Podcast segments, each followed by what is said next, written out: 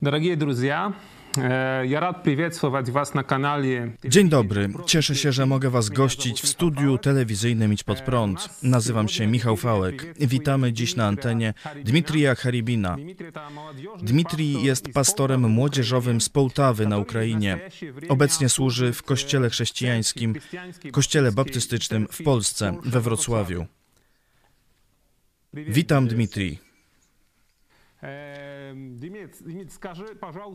Powiedz mi proszę, jak to się stało, że ty i twoja rodzina trafiliście do Polski?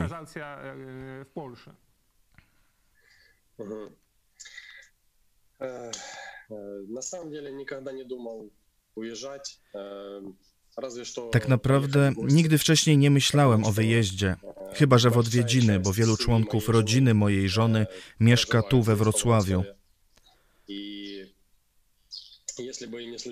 Gdyby nie było wojny, to prawdopodobnie nie dotarłbym tu w najbliższej przyszłości. Ale niestety, albo na szczęście, Bóg tak zadecydował, że w naszym kraju wybuchła wojna.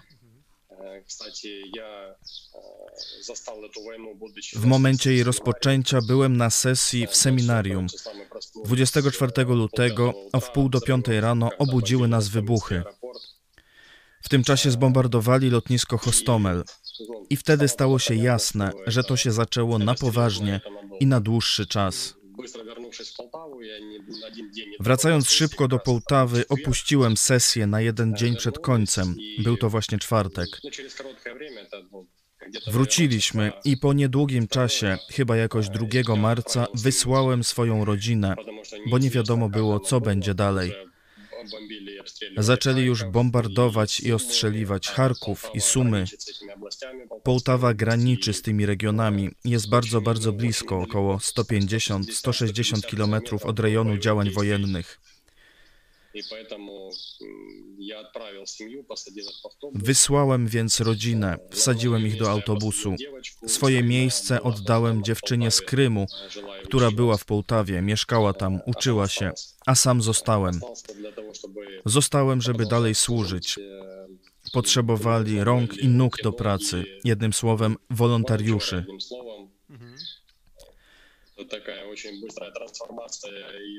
Musiałem szybko przejść od pomocy duchowej do pomocy fizycznej, ale oczywiście było to połączenie obydwu. Ludzie również potrzebowali wsparcia moralnego, ale przede wszystkim trzeba było po prostu wywozić ludzi. Mój teść ma mały bus, więc dni zaczynały się od tego, że jechaliśmy do Charkowa i prawie dojeżdżając do miasta zabieraliśmy ludzi, a przywoziliśmy tam paliwo, jedzenie.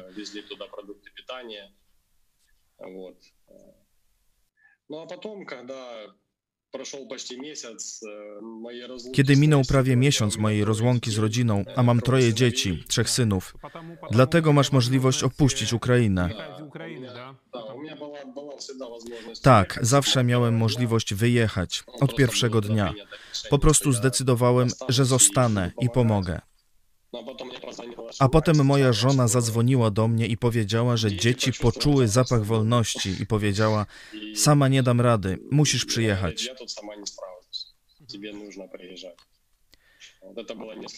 To było kilka razy, kilka próśb. Kiedy pod koniec marca prosiła po raz kolejny, zrozumiałem, że muszę jechać. Nie myślałem, że pojadę na długo. Myślałem, że wyjedziemy tam może do końca wiosny i wrócimy. Ale to ciągle się nie kończy. Dlatego też jestem tutaj teraz.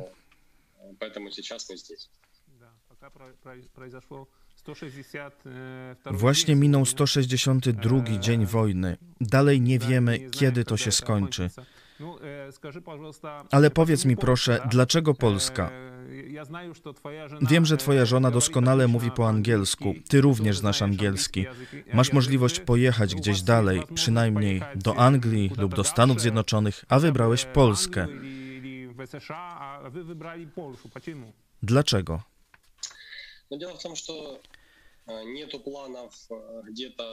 Rzecz w tym, że nie mam planów, aby zostać i osiedlić się gdzieś na zawsze. Chcę wrócić, bo tam jest mój kościół i tam są ci, którym zobowiązałem się służyć. ci, którzy powierzyli mi ten obowiązek służby. Zostałem pastorem w Połtawie, chociaż sam pochodzę z regionu donieckiego, więc to już moja druga przeprowadzka. W 2014 roku była pierwsza, ale w Połtawie zostałem mianowany na pastora młodzieżowego i obiecałem, że wrócę. Wiem, że dopóki jestem tutaj, jestem tu potrzebny. Wiem, że wszystko, co się dzieje, w tym wojna, jest pod kontrolą Boga. Jest tu wielu ludzi, którym trzeba służyć. Zapewne porozmawiamy o tym nieco później. Właśnie dlatego Polska. Poza tym, jak powiedziałem, mamy tu wielu krewnych. To znaczy, jakby fundamenty były tu już trochę gotowe. Kiedy zdecydowaliśmy, że żona przyjedzie tu z dziećmi, nasi krewni już w tym czasie zaczęli dla nich szukać mieszkania.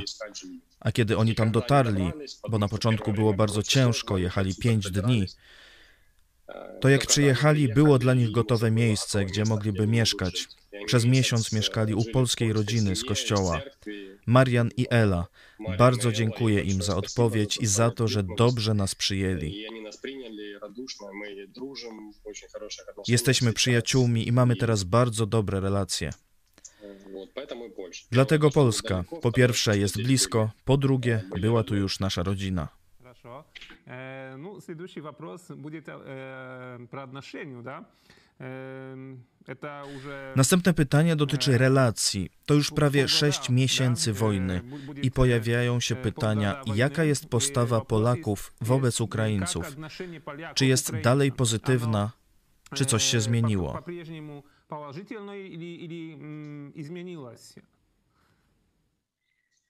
Да, на самом деле я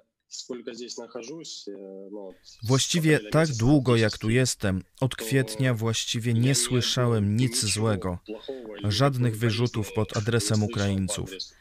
Słyszałem, że wcześniej, jeszcze przed 24 lutego, było dużo komentarzy, że Polacy nie byli zbyt zadowoleni, że wielu Ukraińców do nich przyjechało. Ale teraz nastawienie zmieniło się radykalnie. Są bardzo otwarci i chętni do pomocy.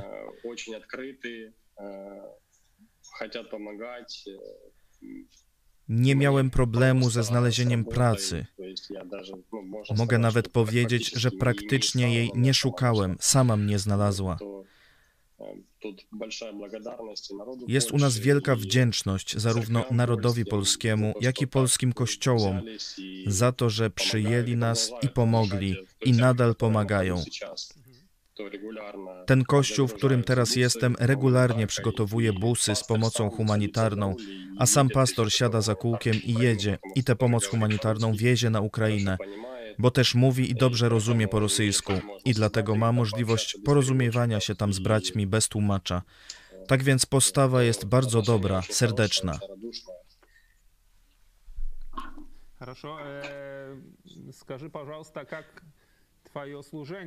Powiedz proszę, jak idzie Twoja służba duszpasterska? Służysz wśród Ukraińców, czy też wśród Polaków? Wśród Polaków nie. Mój polski jest znacznie gorszy niż mój angielski.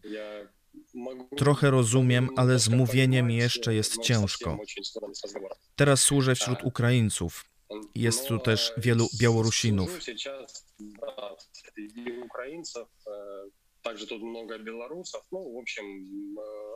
Ogólnie rzecz biorąc, w środowisku rosyjsko- i ukraińskojęzycznym. Wcześniej nie było tak dużej potrzeby służby jak teraz. Do 24 lutego było tu w kościele nie więcej niż 50 osób, a teraz jest już do 200 wierzących. Niektórzy ludzie przyjeżdżają, niektórzy odjeżdżają.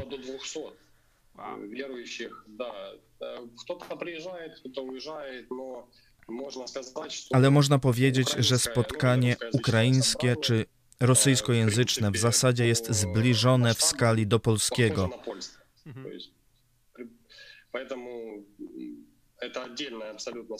To jest całkiem odrębne spotkanie. Dostaliśmy dużą salę i tam się spotykamy. Nasze ukraińskie spotkanie odbywa się tuż po spotkaniu polskim. Służę młodzieży, tak jak na Ukrainie. Kiedy przyjechałem i powiedziałem, że jestem pasterzem młodzieżowym, Natychmiast wprowadzili mnie w obieg i nie opuścili. Bardzo wdzięczna publiczność с чем, ну, как, оно немножко отличается от служения в Украине, потому что в Украине это было действительно пасторское служение. Zasadniczo to różni się nieco od służenia w Ukrainie, bo na Ukrainie to było rzeczywiście takie duszpasterstwo, służenie poradą plus edukacja, kazanie i wychowanie.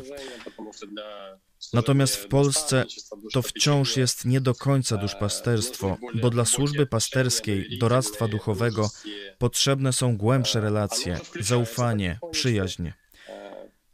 Już powoli to się pojawia. Zaczyna się korespondencja z braćmi, zadają pytania i otwierają się, mówiąc o swoich problemach. A to są ludzie, z którymi dosłownie poznałem się może miesiąc temu. Ale w większości jest to obecnie służba wychowawcza. Kiedy przyjechałem, zaproponowałem braciom kurs hermeneutyki, czyli studium Pisma Świętego, aby zagłębić się i lepiej je zrozumieć. I to są bracia, którzy w zasadzie już zaczynają głosić kazania i potrzebują tego kursu, ponieważ nie mają w ogóle wykształcenia.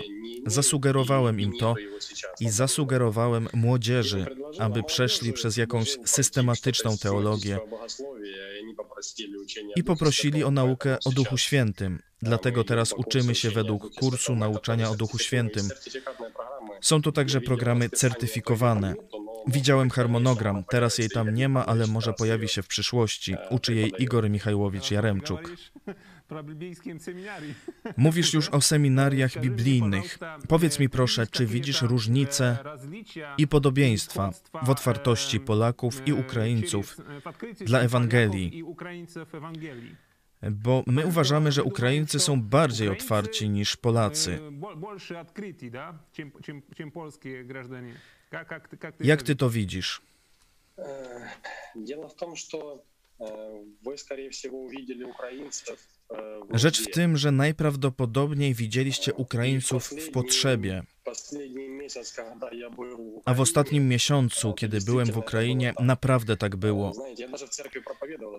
Nawet głosiłem w kościele. To było jedno z ostatnich kazań. Zauważyłem, że my jako chrześcijanie się nie zmieniliśmy. To znaczy, rozpoczęła się wojna, a my nadal byliśmy tacy jak wcześniej. Staraliśmy się być pomocni, staraliśmy się pomagać pomagać fizycznie, pomagać duchowo. Chodzi o to, że zawsze to robiliśmy. Pytanie tylko, czy wcześniej było to tak potrzebne ludziom. Вопрос только в том, что раньше это было ну, не tak нужно людям, да? To znaczy, być może gdzieś próbowaliśmy się nawet narzucać, bo istnieje kategoria osób potrzebujących, ale nie wszyscy bez wyjątku. Mimo wszystko w ostatnich latach sytuacja materialna, finansowa na Ukrainie nie była taka zła i dlatego nie wszyscy byli w potrzebie, a my w pewnym sensie czasem nawet narzucaliśmy się z naszą służbą. Teraz, kiedy nasza otwartość jako chrześcijan w służeniu trafiła na ostrą potrzebę wśród ludzi, która powstała z powodu tej wojny, dlatego oczywiście ludzie stali się otwarci, bo kościoły zaczęły pomagać jako pierwsze.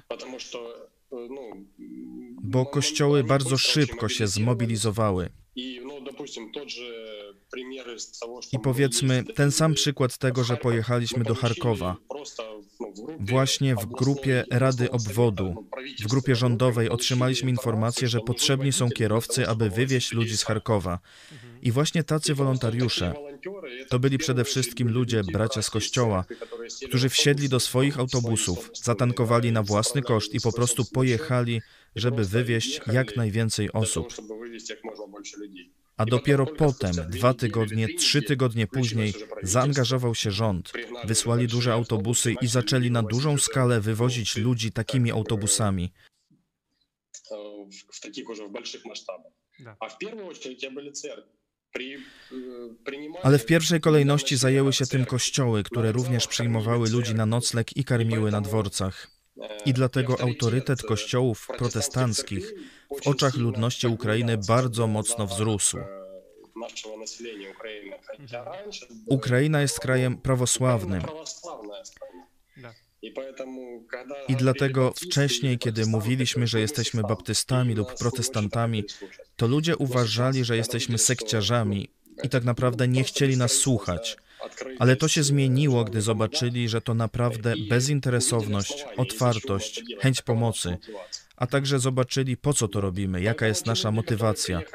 Dlatego ci ludzie, którzy tu przyjechali, oczywiście też szukali kościołów protestanckich, bo tam już jest to zaufanie. I oczywiście jest otwartość. Ja miałem okazję już tu w Polsce, w Jarosławiu, mieszkać kilka dni. Zepsuł mi się samochód, którym jechałem z pomocą humanitarną na Ukrainę i spędziłem 3-4 dni w ośrodku dla uchodźców. I tam byli nasi ludzie, moi rodacy, między innymi z Donbasu, z Mariupola, z Charkowa. Łatwo było mi się z nimi porozumieć. Była z nimi Amerykanka i było jej trochę ciężko z powodu jej akcentu, i ona prosiła, abym był z nimi ze słowem, czyli na czytaniu Pisma Świętego, na porannej analizie Ewangelii Jana. To były bardzo cudowne rozmowy. Co ciekawe, nie trzeba ich było ciągnąć, zapraszać, chodzić po pokojach. Siedziałem sobie w jadalni, a oni po prostu przyszli, usiedli. Mieliśmy półtorej godziny, dwie godziny rozmowy, dużo pytań. Tyle jeśli chodzi o Ukraińców obecnie. Jeśli chodzi o Polaków, to nie miałem dobrej okazji do porozumiewania się z rodowitymi Polakami, bo znowu była bariera językowa, a tym bardziej z tego powodu nie było możliwości przeprowadzać nabożeństwa dla Polaków. Ale na podstawie tego, co zobaczyłem, to jest jak obraz, który odcisnął mi się w pamięci. Ludzie są pobożni, a w niedzielę rodziny w miastach, na wsiach chodzą do kościoła. Gdybym zobaczył taką rodzinę na Ukrainie, powiedziałbym, to są baptyści, możesz bezpiecznie iść za nimi, a znajdziesz swój kościół, nawet w jakiejś nieznanej wiosce. I za takimi ludźmi poszedłem w jednej wsi tutaj w Polsce, niedaleko granicy, a oni poszli do kościoła katolickiego. A oni przyszli w katolicki kościół. Да, да. Поэтому Ну и, Я ну и- здесь ну и хотел- нужно- I im ну и trzeba нужно mówić говорить Ewangelię. Ewangelię. Ty понимаешь, да? Безусловно, безусловно, да, я понимаю. Niewątpliwie, Потому что это как наше tak, rozumiem, bo to jest jak nasze prawosławie. Единственное только с- Jedyną что różnicą jest to, że w prawosławiu jednak bardzo niewiele osób regularnie очень chodzi мало do кто kościoła. ходит регулярно в церковь. Mhm. Эм, To się oczywiście zdarza, это ale бывает, większość ну, ludzi chodzi основная tylko na масса ważne ходит święta. людей только по большой To jest празднику. Wielkanoc, Это to jest Пасха, Chrzest Pański i tyle. Это, не знаю, крещение, э, вот и все.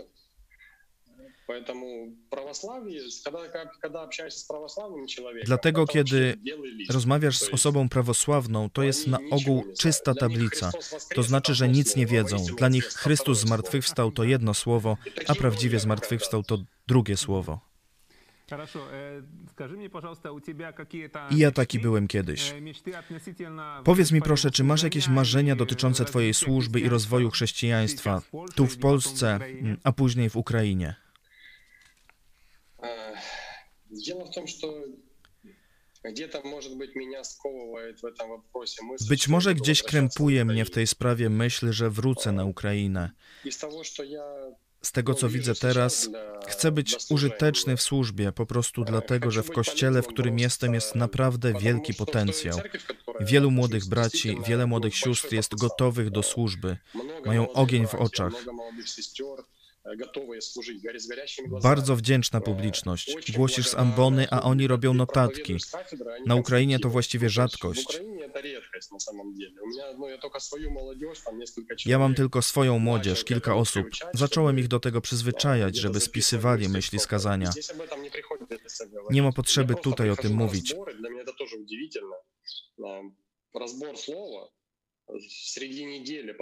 Po prostu przychodzę na studium i dziwi mnie też, że analiza słowa odbywa się w środku tygodnia, w środę. I przychodzą wyłącznie młodzi ludzie. 12-15 osób, młodzi ludzie, którzy chcą studiować Słowo Boże. Kiedy wczoraj wysłałem zaproszenie do grupy z propozycją nauki, otrzymałem około 20 pytań w ciągu pół godziny. Что будет и среди этих людей э, тех, кто захотят учиться и приедут на сессии. Э, вот. Но я хочу... Nie wiem, jak to dalej pójdzie, ale mam nadzieję, że wśród tych osób znajdą się tacy, którzy chcą się uczyć i przyjadą na sesję. Ale chcę dać im ten impuls, to znaczy dać im tak jakby niezbędne wyposażenie, jak to mówi Pismo Święte.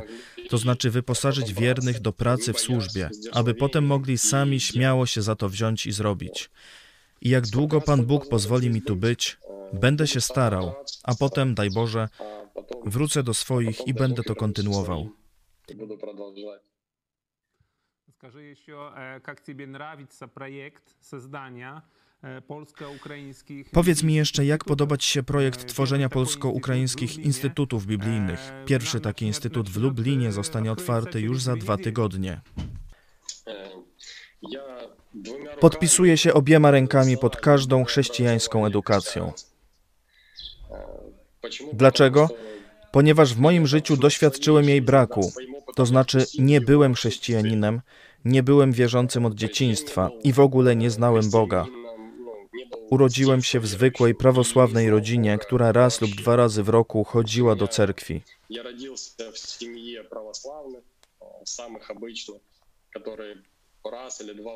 Nic nie wiedziałem o Bogu.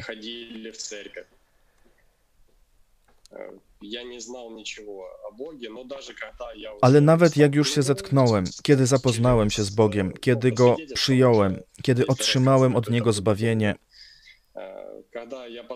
Wstąpiłem do kościoła baptystycznego i zostałem natychmiast zaangażowany w służbę, ponieważ byłem młody, wykształcony. Pastor mówi: idź i nauczaj. Na początku było to bardzo przerażające. Пастор говорит, выходи на проповедь и проповедуй.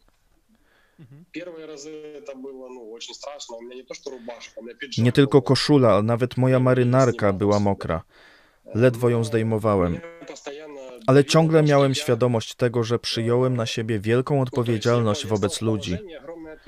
I Bóg powierza mi tę odpowiedzialność, a ja nie mam pojęcia, czy mówię poprawnie, czy może mówię tylko o marzeniach mojej duszy, bo ciągle mamy pewne uprzedzenia. A w piśmie jest dużo mądrości, którą bardzo trudno złapać i zrozumieć w pośpiechu.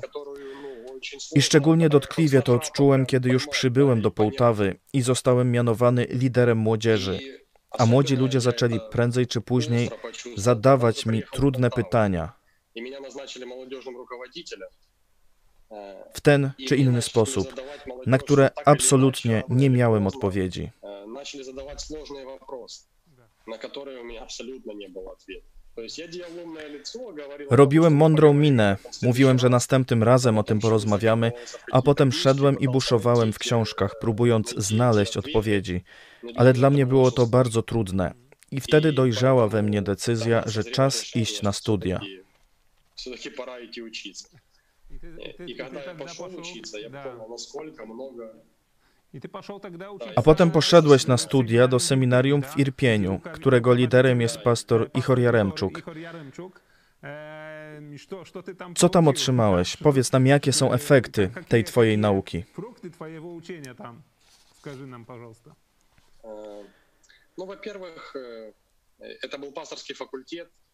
To był Wydział Duszpasterski, czteroletni z trzema sesjami stacjonarnymi w roku Получается, э, сколько это? Ну, э, достаточно времени я проводил в семинаре. Это 12 Dość сессий dużo по- czasu по spędziłem w две недели. seminarium, Э, to łącznie всего 12 обучения. sesji, po dwa tygodnie. И, э, что именно конкретно? A co Это, dokładnie? во-первых, Jest to po pierwsze hermeneutyka, bo bez niej nie da się głosić kazań. Natychmiast spaliłem wszystkie swoje stare notatki, kazania i odczułem skruchę przed tymi ludźmi, którzy mnie wcześniej słuchali. Po drugie to teologia systematyczna. Bardzo trudno jest bez zagłębiania się w teologię nakreślić obraz idei o Bogu biblijnym, jaki jest, kim jest Bóg, Bóg Ojciec, Chrystus, Duch Święty, czym jest Kościół, nauka o zbawieniu, nauka o grzechu, nauka o człowieku.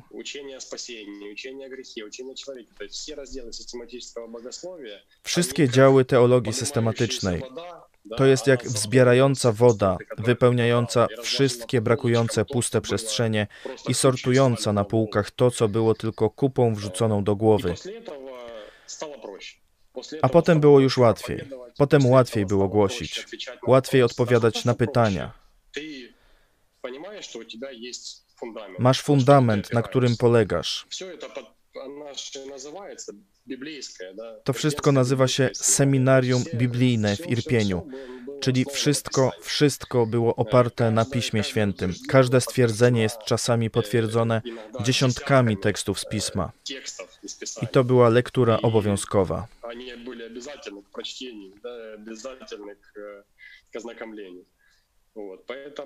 Więc to było dla mnie wielkim błogosławieństwem. Dlatego, gdy pojawiło się pytanie o przystąpienie do studiów magisterskich, to się nie zastanawiałem. Tyle tylko, że trzeba było prosić żonę o błogosławieństwo, bo zamiast trzech sesji w roku zrobiły się cztery. Myślę, że naprawdę możesz powiedzieć, że to dobry wybór, aby wziąć udział w tym kursie, który rozpoczniemy za dwa tygodnie z pastorem Jaremczukiem i z waszym seminarium. Tak, zdecydowanie. Zdecydowanie to jest bardzo dobrze. Nawet niech to nie będzie aż tak rozbudowany program. W rzeczywistości może nie być dla wszystkich. Nie każdy będzie pastorem, nie każdy będzie nauczycielem, ale podstawy i przynajmniej metodyka, tak. Czyli jak nie znam odpowiedzi na pytanie, to przynajmniej mnie nauczą, gdzie i jak ją poprawnie znaleźć.